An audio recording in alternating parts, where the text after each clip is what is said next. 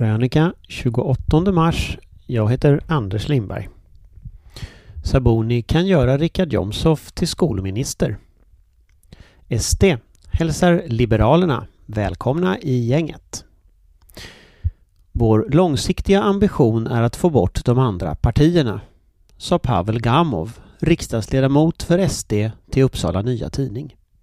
Sen fick han avgå efter en skandal där han åkt runt i Ryssland och lekt någon slags diplomat.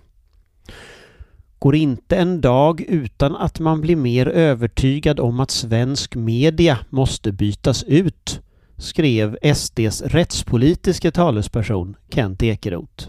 Även han fick avgå. Av helt andra skäl.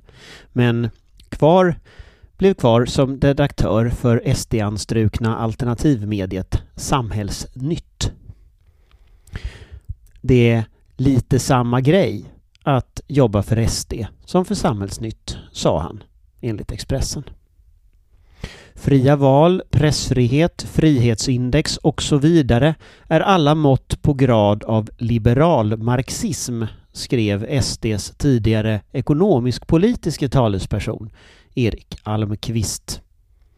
Hans riksdagskarriär förkortades visserligen av den så kallade järnrörsskandalen men Almqvist ger numera ut en annan SD-nära sajt, Exakt 24.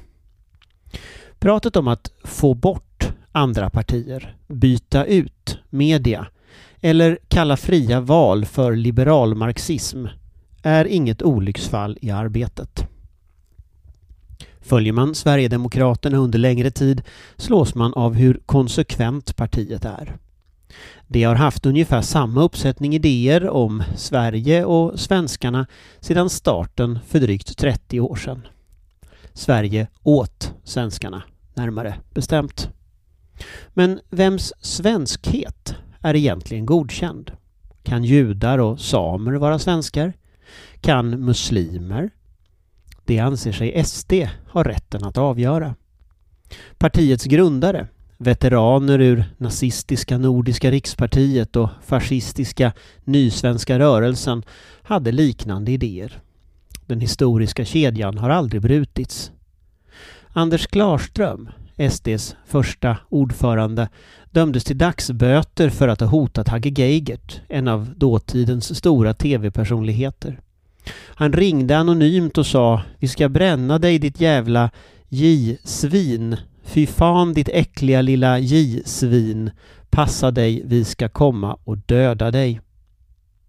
Så tänker inte ledande Sverigedemokrater idag. Eller?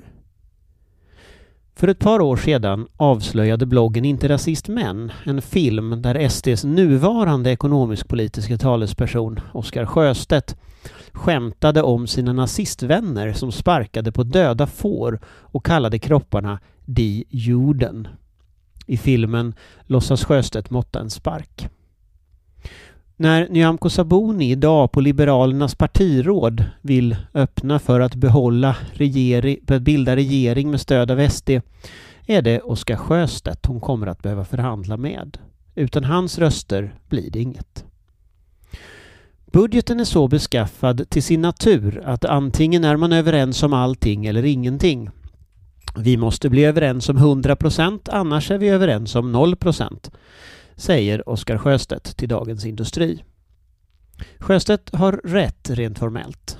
Efter 90-talskrisen infördes nuvarande budgetregler som gör att man inte kan använda så kallade hoppande majoriteter. En regering kan inte först stödja sig på ett parti och höja utgifterna för att sedan vända sig till ett annat och sänka skatterna. Statsbudgeten hänger ihop.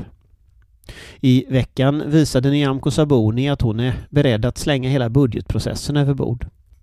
Det är idioti.